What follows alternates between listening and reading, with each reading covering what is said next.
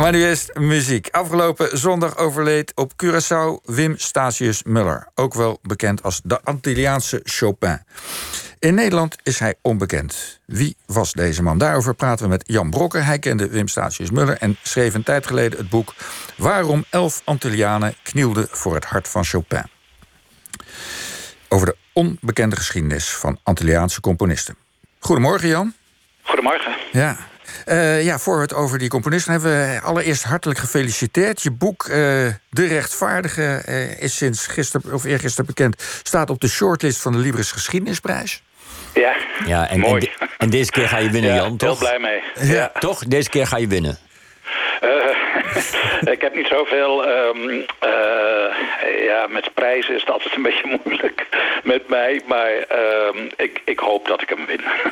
ja, nou, we, we gaan het horen ja, bij ons in de uitzending ook over een. Uh, ja, ja, over een, ja. Over een nou, week in ieder geval ben ik daar. Ja. Want uh, alle vijf genomineerden komen in de uitzending. Dus dat. Uh, ja, het is mooi dat het boek nu opnieuw aandacht krijgt. En dat, daar ben ik erg blij mee. Ja, het is ook een heel mooi boek. Maar we gaan het nu over, een ander, uh, over iets anders hebben... waar je ook een, een, boek over geschreven hebt. Namelijk over Wim Statius Muller. Um, uh, kun je iets meer uh, over hem vertellen? Wie was hij? Ja, hij was een uh, ongelooflijk belangrijke persoon in uh, de Antilliaanse cultuur. Uh, hij is in 1930 geboren in Otrabanda, de wijk Otrabanda, en op Curaçao. En dat was een wijk waarin alle verschillende volksgroepen samenleefden. En het was een zeer artistieke wijk ook. De, de muzici, de componisten, die woonden allemaal in in Otrobanda. Uh, hij woonde in de straten woonden uh, zes muzikanten en componisten. En uh, schuin tegenover hem woonde Jacobo Palm. en dat werd zijn eerste muziekleraar. Een hele bekende pianist en componist op Curaçao was dat. En hij hoefde de straat maar over te steken om, om muziekles te krijgen. En wanneer die, hij vertelde me dat wanneer hij 's morgens de luiken opendeed... dan hoorde hij overal muziek. Ja, en, en, en wat voor soort muziek uh, hebben we het dan over? Wat voor soort muziek componeerde hij? Nou, er is een, uh, uh, op Curaçao een hele interessante mix ontstaan van uh, muziek uit Europa, uit Afrika en uit Zuid-Amerika. En degene die het meeste invloed heeft gehad in de 19e eeuw op de muziek van Curaçao, maar ook van Cuba en de andere Caribische eilanden, dat was Chopin. En zijn mazurka's en walsen werden bijzonder geliefd op de Caribische eilanden omdat voor Antillianen is muziek alleen muziek als je erop kan dansen. En uh, die mazurkas, dat, waren, ja, dat, waren, dat was dansmuziek. Dat zijn wij een beetje vergeten in Europa, maar het was echt dansmuziek. En de walsen ook. En de componisten in de 19e eeuw op uh, Curaçao zijn daarmee aan de slag gegaan. Die hebben nieuwe mazurkas geschreven... die ook wat uh, pittiger qua ritme waren. Echt dansmuziek werd het. En ook de walsen, die werden veel, veel pittiger. En in die traditie is Wim Statius Muller voortgegaan. Ja. Uh, hij werd dus in 1930 geboren, kreeg al heel jong muziekles... en toen brak de Tweede Wereldoorlog uit. Uh, Curaçao werd uh, omsingeld door Amerikaanse oorlogsschepen... want de raffinaderij van Curaçao en de raffinaderij van Aruba... leverden 75% van de kerosine voor de geallieerde vliegtuigen. Dus het was zeer van belang dat deze raffinaderijen niet beschoten werden vanuit zee. Um, er kwamen 450 Amerikaanse militairen uh, op Curaçao. Het eiland werd eigenlijk afgesloten van de wereld. En uh, er was ook spertijd. Om acht uur mocht er uh, geen verlichting meer. Men was bang voor aanvallen van Duitse onderzeeërs. En wat gebeurde er toen? Ja, ze zaten to to totaal afgesloten.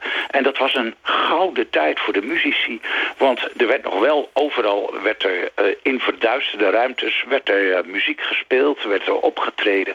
Dus uh, toen is die Antilliaanse muziek enorm tot ontwikkeling gekomen. En dat heeft geduurd tot ongeveer in 1950. Wim Statius Muller is uh, in, na de oorlog is hij naar Amerika gegaan. Hij is toegelaten tot uh, uh, het, de Juilliard School of Music in New York. En dat is het bekendste conservatorium van Amerika. daar heeft hij drie jaar piano les gehad. Heeft hij drie jaar piano gestudeerd. En daarna nog een jaar compositie. Ja. Hey, is er een verklaring, want een swingende Chopin, die zou je zeggen, die willen we in Nederland ook horen. Maar hier is hij vrij onbekend. Heb je daar een verklaring voor? Ja, in Nederland keek men een beetje naar die muziek. Kijk, die mazurkas zijn doorgegaan, zijn doorgegaan, zijn doorgegaan. Die zijn ook geïncorporeerd in uh, de, scheiding tussen klassieke muziek en volksmuziek en vermaakmuziek. Die bestond niet op Curaçao. Die bestond op geen van de Caribische eilanden. Het was muziek die, ja, die door iedereen uh, uh, werd beluisterd, die door iedereen werd gedanst. want Wim Muller is met al die muziek vormen, met die dansvormen, is hij aan de slag gegaan met de mazurka, met de wals, maar ook bijvoorbeeld met calypso. Mhm. Die in de jaren 50 en 60 ontzettend populair was op de Caribische eilanden. En hij heeft een uh, behoorlijk aantal Toomba's geschreven. En dat is de Afrikaanse invloed. Dat is met de slaven is dat uh, vanuit West-Afrika is dat naar de Caribische eilanden gekomen. En uh, dat is een uh, hele felle uh, dans, de tumba. en de tumba die werd ook ongelooflijk gebruikt. als, als, de, de, er was ieder jaar een festival waar uh, Toomba's werden uitgevoerd. En de beste Toomba werd dan het carnavalslied.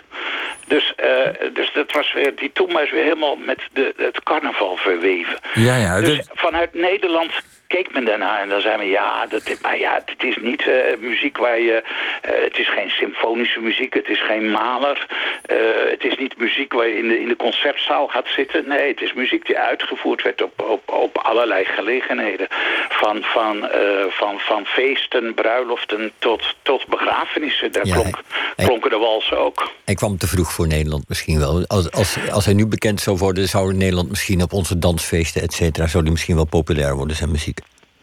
Ja, ik denk dat het, uh, dat het verkeerd werd gezien en dat men niet de context heeft gezien. Maar in uh, die, uh, toch, de, de, ofschoon dat volkse karakter zijn die mazurkas van Wim Statius Muller van een heel hoog gehalte, muzikaal gehalte. hij had een, een schitterend touché en hij had op de Juilliard School of Music had hij een Russische pianoleraar. Hij was een volleerd klassiek pianist. En als hij niet zijn eigen composities uitvoerde dan eh, voerde hij Chopin uit, Schubert, uh, Mozart. Uh, dus dat, dat, hij was een, zeer vakkundig. En zijn walsen die waren zo goed doordacht... dat ze studiemateriaal werden op het conservatorium van Parijs. Goed. Het, het, heel goed in elkaar zaten die walsen. Heel interessant van ritme. Ja, Jan Brokken, we kennen hem nu alweer wat beter. En uh, nou, luisteraars uh, die meer van hem willen weten of luisteren... die kunnen uh, jouw boek aanschaffen. Waarom elf Antillianen knielden voor het hart van Chopin. Er zit ook een cd bij. En wij willen nu tot besluit nog naar, ook naar een, een, klein stukje van de muziek van hem laten horen. Zodat er niet alleen over gepraat is. Um, en dat gaat om het stuk Despedida. Kan je heel in het kort vertellen wat dat is? Ja, afscheid. Uh, afscheid is de, de, de, vertaling van Despedida. Dat is een wals. Uh, kijk, alle mensen op Curaçao op een gegeven moment moesten ze van Curaçao af. Jongeren konden niet uh, doorleren. Moesten, moesten of naar Europa, of naar Venezuela, of naar de Verenigde Staten. Dus voor ieder moment, voor iedere Curaçaoenaar kwam er een moment dat hij afscheid moest nemen. Wim Statius Muller zelf moest ook afscheid nemen. Hij had niet voldoende uh, werk op Curaçao om, om van zijn muziek te leven. Hij is naar Nederland gegaan en uh, vervolgens naar Brussel. En uh, hij moest ook afscheid nemen. voor, voor iedere Antilliaan is er dat moment dat je afscheid moet nemen van je eiland. En dit nummer Despedida wordt heel vaak gespeeld voor mensen die vertrekken oh. vanuit Curaçao. Maar het, wordt ook, het is ook het, het het muziekstuk wat altijd klinkt op begrafenissen. Jan, we gaan luisteren. En ik hoorde dat gisteren is er afscheid genomen van Wim Statius Muller op uh, Curaçao. En wat klonk daar? Dat was deze wals Despedida, compositie Wim Statius Muller.